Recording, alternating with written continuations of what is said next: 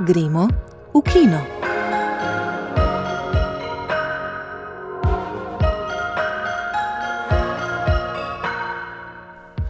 Lepo zdrav v naši tedenski filmski oddaji. Osrednja tema tega tedna je animateka, ki jo bomo osvetlili z različnih zornih kotov, od tekmovalnega programa prek celovečernih filmov do svetovnega jagodnega izbora. Pogovarjali smo se tudi z Oskarjevko Suzy Templeton, osrednjo gostjo animateke, med premjerami pa smo izbrali novi film Davida Cronenberga Poti k zvezdam.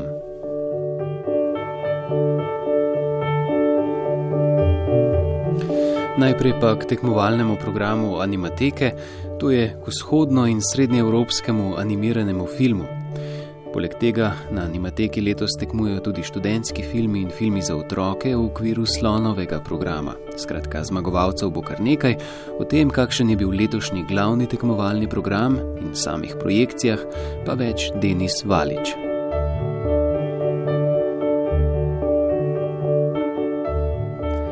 Čeprav bi za tekmovalni program letošnje animateke lahko celo rekli, da je v njem zaznati drobcen, skoraj neznaten poskus upeljati določene spremembe, pa je po drugi strani še veliko bolj zanesljivo to, da se še vedno trdovratno oklepa tradicije.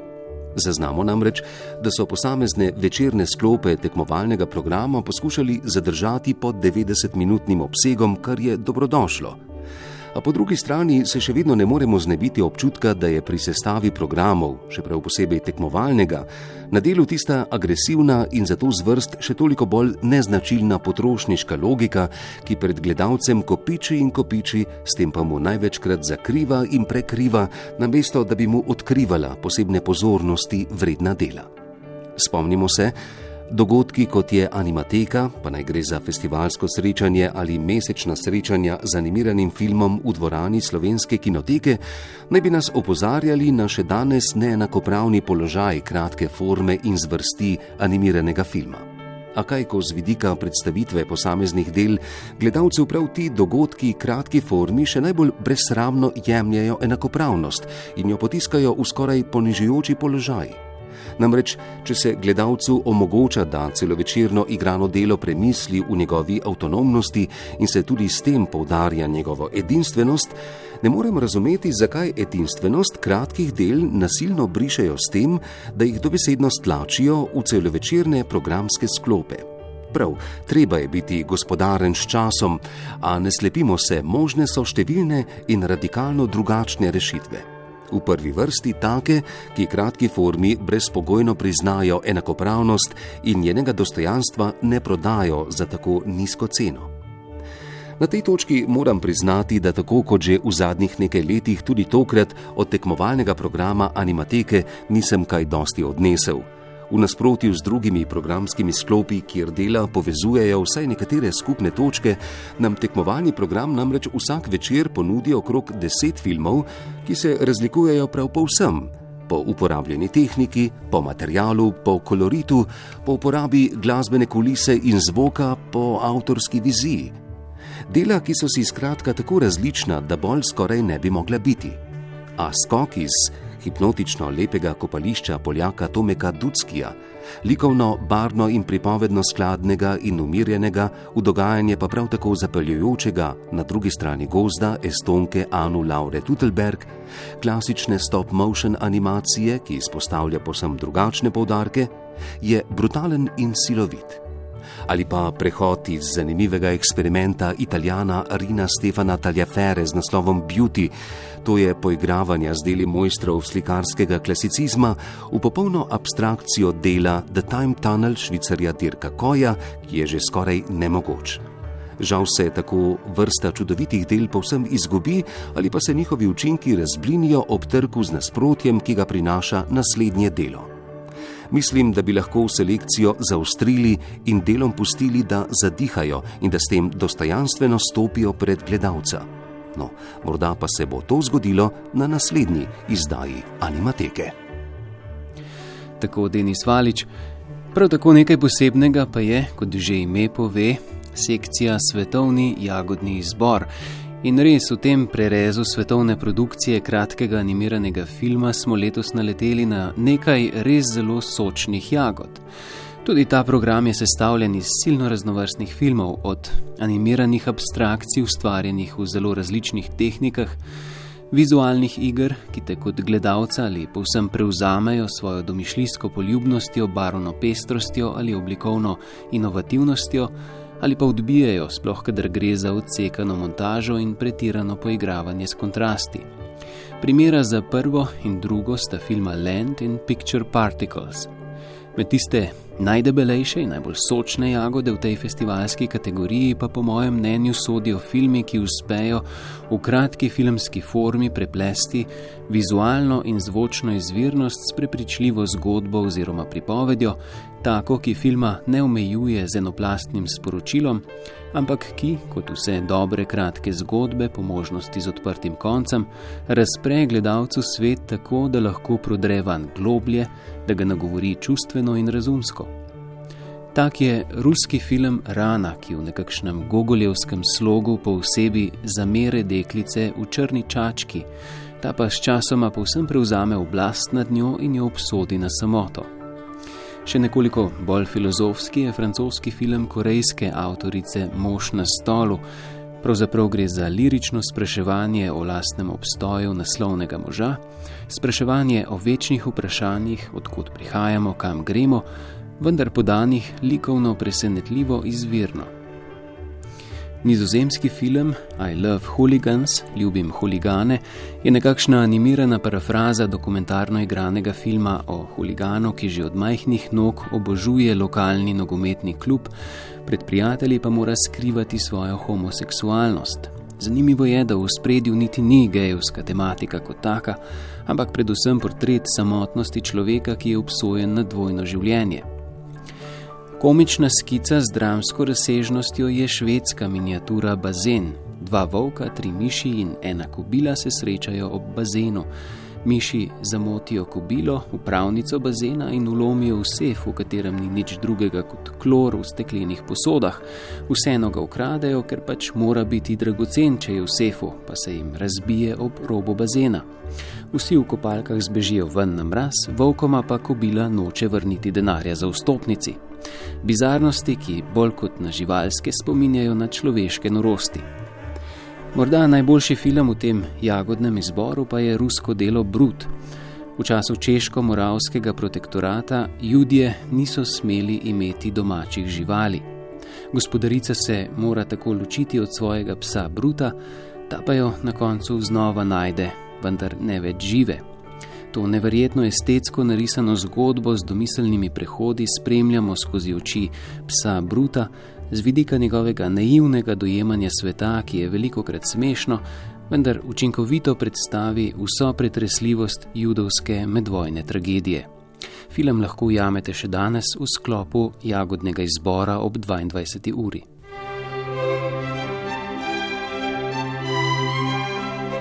In zdaj k filmu Peter in Volk iz leta 2006.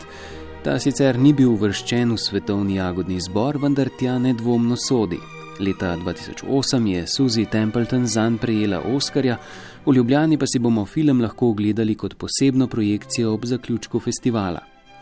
Suzy Templeton je od srede do danes vodila delavnico animiranega filma z naslovom Mirovanje v animaciji. O tem in njenem nagrajenem filmu pa sva se pogovarjala prvi dan po njenem prihodu v Ljubljano. Moje prvo vprašanje je bilo, zakaj si je izbrala prav temo mirovanja v animaciji. I find it um, a beginner's mistake to Napaka začetnikov pri tem delu je, da želijo vse animirati in ustvariti veliko gibanja. To je sicer zabavno, namreč premikati lutke naokrog. Ko stojiš pred njo, si rečeš: Dobro, tu sem, zdaj jo moram premakniti in pogosto dolge ure ali celo dneve posvetiš animaciji enega kadra.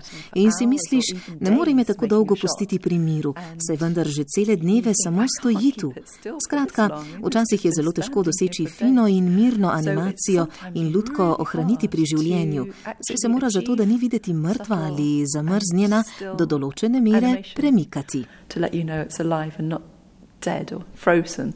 Za film Peter in Volk ste prijeli Oskarja, Morda malce nenavadno, glede na to, da je tema filma nekoliko temačnejša, zato me zanima, ali se tudi vam, kot ustvarjalki filma, zdi, da ste ustvarili nekaj drugačnega, kot je morda širše občinstvo vajeno. Um, ne zdi se mi, da je bil film posebno temačen v okviru kategorije kratkih animiranih filmov. Pogosto so teme v tem sklopu še temačnejše. Mislim pa celo, da temačnejše teme postajajo vse bolj običajne. Zaradi ustvarjalcev, kot je Tim Burton, so take teme postale zelo priljubljene, sprejemljive in prav nič čudaške. Preprosto navadili smo se na nje. This is, these are just the things that we are used to. Zakaj ste izbrali znano zgodbo o Petru in Volku Sergeja Prokofjeva? Projekt mi je predstavil producent in spomnila sem se, kako mogočna se mi je zdela skladba, ko sem bila otrok in kako sem se bala. Glasba je igrala, jaz pa sem stekla iz hiše na vrt in se skrila za drevo, ko je prihajal volk. Tako da takoj, ko mi je producent stvar predlagal, se mi je vse skupaj zazdelo zelo smiselno. In sem si rekla, da bi rada to naredila in hkrati sem zgrabila priložnost, da sem lahko sodelovala z živim orkestrom, kar je res izjemna izkušnja. Zgodba o Petru in Volku je dobro znana. Ena od stvari, ki so v tej različici skrajno izvirne, pa so drobne, vsakdanje, navidez navadne stvari, ki jih počnejo posamezni liki, krokar, mačka in tako naprej. Kako pomembne so torej te nepomembne stvari. Rada opazujem ljudi in živali, rada se postavim v njihovo kožo in si predstavljam njihova življenja. Zelo rada, na primer, opazujem krokarje, ki se mi v resnici zdijo zelo smešni. Rada razmišljam o tem, kakšna je njihova zavest, kako doživljajo življenje, kaj jim pomeni živeti. gotovo nekaj drugega kot meni, čeprav ne vem kaj. Skratka, rada opazujem vse te drobne stvari, ki jih počnejo. Poleg tega se mi zdi, da ti v tem delu, tudi zaradi načina, kako je napisano, glasba ponudi dovolj prostora, da začneš razmišljati o vseh teh drobnih stvarih. Liki ne počnejo nič pomembnega, z njimi samo preživiš nekaj časa in vidiš, kakšni so. V tem zelo uživam. And, yeah, I, I, uh, I enjoy that. V zgodbi je veliko humorja, čeprav v resnici ne gre za komedijo. Kako pomemben je humor v ustvarjalnosti in v vašem življenju? Well, Pred Petrom in Volkom sem naredila zelo nehumoren film in ljudje so dobesedno odhajali z projekcij in govorili, da tega res ne mislijo več prenašati. V resnici je film zelo temačen in težak, čeprav si ga v osnovi sploh nisem tako zamislila. Ko sem ga napisala, so bili v njem tudi lahkotnejši prizori, vendar mi je med snemanjem zmanjkalo časa in izbrati sem morala najpomembnejše prizore. Izkazalo pa se je, da so to ravno ti temačnejši deli. Vsekakor rada delam svetlobo. Zdi se mi celo učinkoviteje, če nečemu svetlemu sledi nekaj temačnega. V tem je precejšnja moč.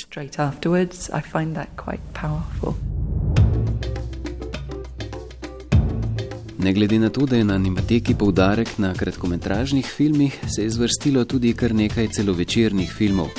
Ogledala si jih je Tina Poglajen. Program celovečernih filmov letošnje animateke brško ne povezuje nekonvencionalna raba animacije kot izraznega sredstva, pogosto pa tudi osebna, celo izpovedna pripoved. Brazilski deček in svet, sicer del otroškega programa, za izhodišče vzame bel risalni list, na katerega običajno riše otrok in skozi njegovo potovanje na to ustvarja kompleksen animiran svet. V njem je osnovna enota črta barvice, razpoloženje izraža navdušujoča raba baru, melodije pa je mogoče ujeti in shraniti v škatlico za spomin. Družbeno in razredno zaveden, kot je, si film svojega sporočila ne pomišlja izraziti tudi samo obliko. Čeprav vse čas ohranja otroško perspektivo, se risani svet, v katerem se dečku ne more nič zares zgoditi, ob resni problematiki, ki jo obravnava, v končni fazi pretrga in skozi zevajočo luknjo v filmu se prikažejo uničujoče posledice globalnega kapitalizma za naravo in družbo. Po drugi strani japonski volčja otroka, tako slogovno kot ideološko, ostaja v okvirih animejevskih konvencij. Otožna, poetična pripoved o zadnji družini izumrlih japonskih volkodlakov, ki ob preobrazbi ne kričijo in se zvijajo v krčih, temveč se v zveri prelevijo gibko in tekoče, je v svojem bistvu ganljiva zgodba o hrepenenju po domu in ljubezni. Po melanholičnem vzdušju mu je podoben francoski Jasmin, autobiografsko-dokumentarna stop-motion animacija o ljubezenski zgodbi v času iranske revolucije v 70-ih. Film iz razne zmožnosti tehnike oblikovanja plastelina uporabi za podajanje sporočila na metaforični ravni, da nimo pri telesni in čustveni združitvi ljubimcev z mešanjem baru in mase njunih figur. Pripoved animacijo vse čas združuje z dokumentarnimi in metatekstualnimi vložki, da nimo s posredovanjem roke stvaritelja, ki v filmu igra tudi vlogo spomina in usode, ki nesojena ljubimca združi, ima uravnava življenje in jo na zadnje spet loči. Najboljši celovečerni film je bil na sporedu prvi. V latvijskem kandidatu za tuje jezičnega Oskarja Kamenje v mojih žepih je animacija izrazno sredstvo sama zase. Je ilustracija za osebno izpovedno in introspektivno pripoved Signe Baumane, ki je film napisala, ga režirala in v njem sama nastopila kot pripovedovalka. Kamen je v mojih žepih animacijo na izviren, globok, oseben način zelo občutljivo uporabi kot sredstvo za izražanje kompleksnih idej o človeški duševnosti ter iskreno in brezkompromisno izpoved o družinski zgodovini, ki jo je zaznamovala duševna bolezen. Avtorice otvoritvenega filma Kamen je v mojem žepu, Signe Baumane, žal ni bilo v Ljubljano, se je pa z njo pred nekaj meseci srečala Tesa Drev in sicer na festivalu v Karlovih Varih.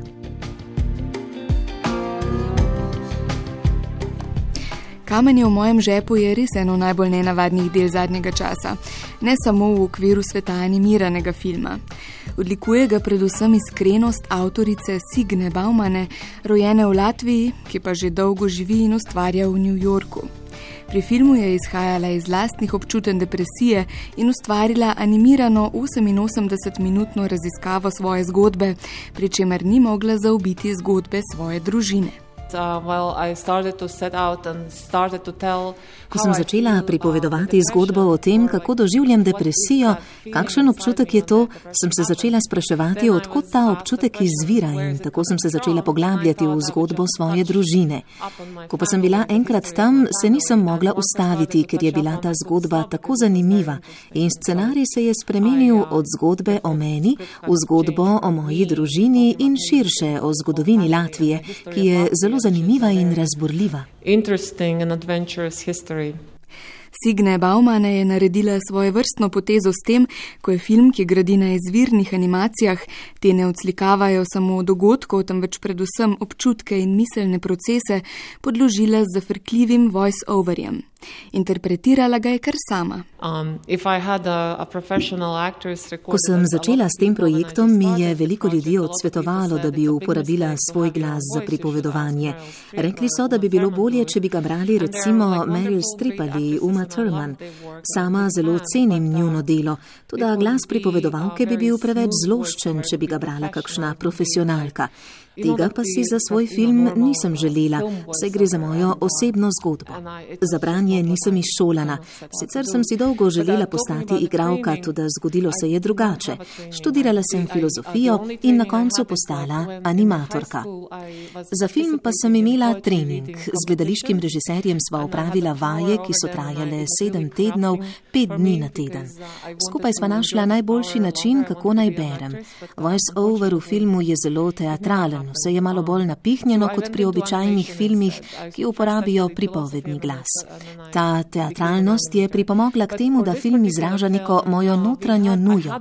In res je bilo zame zelo pomembno, da sem lahko povedala to zgodbo, ki sem ji posvetila štiri leta svojega življenja. I dedicated four years of my life to this uh, film. So. Signe Baumane je pred filmom Kamenje v mojem žepu ustvarila več kot 15 kratkih filmov, med drugim zelo zanimivo serijo filmčkov o seksu z ženskega vidika, ki jih je naslovila Tidbit of Sex. Spolnost, zdaj depresija. Signe priznava, da kreativnost uporablja tudi kot neke vrste terapijo. Imela sem zelo neprijetne izkušnje s psihologi in psihiatri v sovjetskem sistemu. Ozdravile so me želje, da bi se k njim obrnila po pomoč. Ko sem to storila na zadnje, sem pristala v umobolnici. In sicer zato, ker sem postavila preprosto vprašanje, kaj je smisel življenja. Po tistem sem se odločila, da bom svoje umsko zdravje vzela v svoje roke, kar otegne biti nevarno, ampak meni je pri tem pomagala filozofija. Sicer pa depresijo premagujem s pomočjo discipline. Zjutraj zgodaj vstanem, imam nekaj opravkov, delam do petih ali šestih in grem potem vedno ven med ljudi, to je nujno. Poleg tega telovadim in zdravo jem. Vsak je glede tega drugačen. Zame je tudi zelo pomembno, da imam delovni projekt, ki me žene in za katerega moram poskrbeti. Kljub temu še vedno trpim za depresijami enkrat ali dvakrat na leto. I still suffer from it. You know, I still suffer from depression uh, once or twice a year. I don't know what it is. Film Kamen je v mojem žepu si lahko v okviru animateke ogledate še v nedeljo ob 20. v Kinodvoru. Takrat se bo animateka tudi dokončno sklenila, uradno pa se bo festival končal jutri ob pol desetih s posebnimi projekcijami in podelitvijo nagrad. Ste že slišali za nagrado Lux? Od leta 2007 jo podeljuje, ne boste verjeli, Evropski parlament in letos bi jo prav lahko prejel slovenski film. Poleg polsko-danskega filma Ida, francoske bande Punc, se za njo namreč poteguje tudi razredni sovražnik Roka Bička. Do podelitve nagrade, za katero glasujejo evropski poslanci, filme prikazujejo po 28 državah, prevedeni pa so v 24 jezikov. Z Rokom Bičkom se je pred odhodom v Strasbourg pogovarjal Aleksandr Čobec. Rok Biček, pozdravljeni. Film Razredni sovražnik je med tremi nominiranci za nagrado Lux kakšna so vaša pričakovanja, glede na to, da bo nagrado dobil film, za katerega bodo glasovali evropski poslanci, ki imajo verjetno drugačna merila kot filmski strokovnjaki?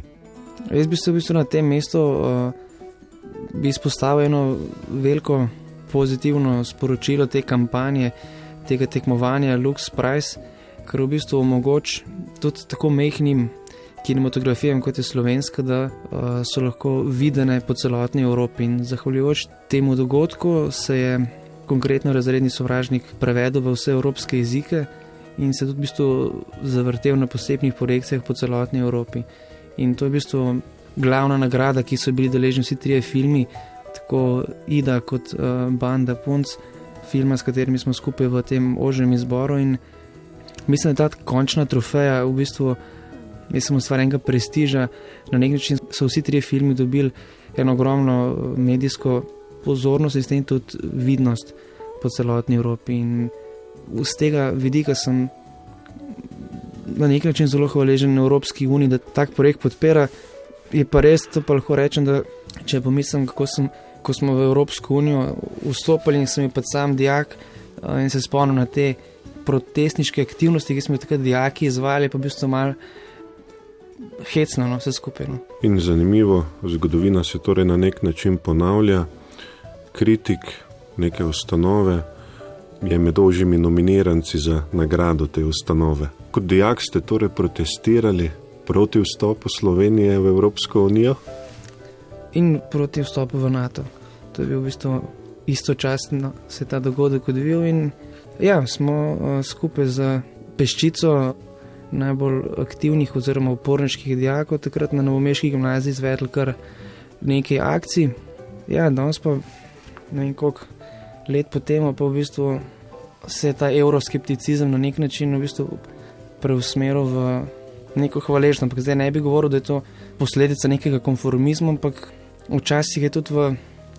Se tudi v slabem skriva nekaj dobrega, oziroma obratno. No, tako da zdaj ne bom preveč konkretno se opredeljeval do nekih stvari, ki v bistvu o njih sploh nisem razmišljal.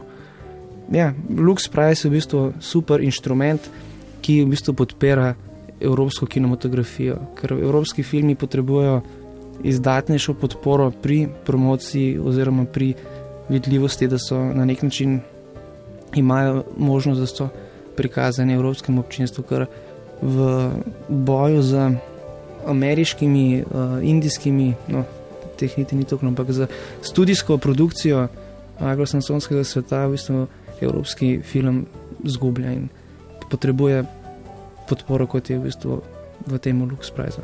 Bo pa izid rezultata glasovanja evropskih poslancev zelo verjetno odvisen od lobiranja, tudi v tem pozitivnem smislu. Kako se predstavljajo ti trije filmi, kako uh, se predstavljajo vsebine teh treh filmov evropskim poslancem, ste mogoče kaj zasledili?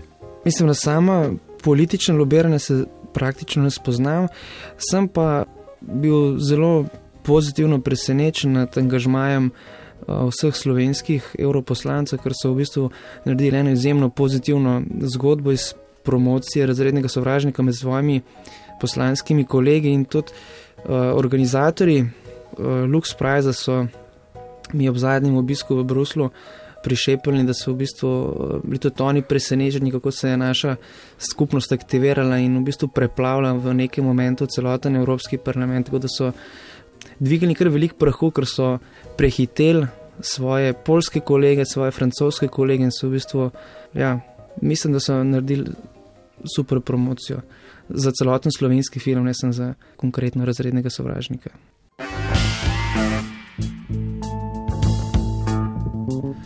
Komu bo Evropski parlament podelil nagrado Lux, bomo torej izvedeli prihodnji teden, mi pa se v naši vdaji gremo v kino, vračamo kam drugam kot v kinodvorane. Z rednega sporeda smo ta teden izbrali noviteto Davida Cronenberga, Poti k zvezdam.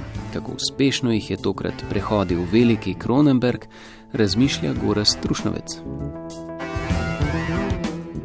Raznovrstnost filmov, ki jih zadnja leta ustvarja David Cronenberg, nas napoti k ponovnemu premisleku o nekaterih stereotipnih oznakah, ki se ga držijo. Med njimi je tudi tista, ki pravi, da gre za mojstra telesnega hororja, Seveda je Kronenberg avtor vrste vznemirljivih grozljivk, tudi v tem okviru se loteva raziskav, ki presegajo običajne žanrske ambicije. Nekaj podobnega lahko zapišemo o njegovem najnovejšem celovečernem filmu Poti k zvezdam. Lahko bi ga uvrstili v žanr filmov, ki se ukvarjajo s filmsko industrijo oziroma medhollywoodske, Lahko bi rekli, da se skoraj vsak avtor v svoji karieri znajde na točki, ko se mu zazdi, da mora posneti film o filmu, tako da je teh del že toliko, da oblikujejo samostojen žanr. In Kronenbergove poti k zvezdam sodijo v sam vrh, v družbo jedkega Altmanovega igralca ali sanskega linčevega Malholland Driva. Kar zadeva fabulo, film izjemno spretno in s precizno domišljeno artikulacijo preplete dve družinski zgodbi. V prvi Julian Moore, ki je za svoj nastop v Kanu prejela Zlato palmo, igra starajočo se igralko, ki se bojuje za vlogo v priredbi filma, v katerem je igrala njena tragično umrla mama, s katero ima nerešen odnos. V drugi zgodbi, ki je pravzaprav sprožilec dogajanja, pa se v Los Angeles vrne mladenka, ki je bila po tragičnem dogodku na dolgotrajnem zdravljenju in začne spet iskati stik s svojo družino, ki jo je odpisala in v kateri dominira njen mlajši brat, slaven otroški igralec. Pri tem se zaposli kot asistentka Julian Moore. Film Poti k zvezdam, ki je na osnovni ravni precej sarkastična kritika holivudske puhlosti, pretencioznosti, povspetništva in incestuozne zaprtosti, Cronenberg s svojo nadarjenostjo in inteligenco nenehno presega tako, da se vse čas mojstersko poigrava z najobičajnejšo dobesednostjo, literarnimi in cinefilskimi citati ter globokoumnimi prispodobami. O pomoči teh nam recimo kaže, koliko vsi, ne le holivudski igravci, delujemo po scenarijih in razkriva, koliko nas določa ne le psihologija, s katero se je ukvarjal v nevarni metodi, ampak tudi preprosta biologija. Nobeno na ključje ni, da se kot motiv nenehno vračajo odlomki Eljarjeve pesmi Svoboda. Seveda na koncu še vedno kljuva vprašanje, zakaj pravzaprav preživeti dve uri v družbi omejene skupine skrajno patoloških egocentrikov. Morda zato, ker je tudi to predvsem prispodoba današnjega modusa vivendi zahodne civilizacije.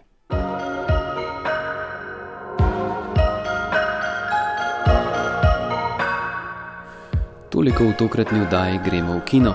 Z vami smo bili Alenka Resman Langus, Igor Velše, Marko Šetinc, Damjan Rostan in Matej Juh. Veliko filmskih užitkov in lep pozdrav do prihodnič.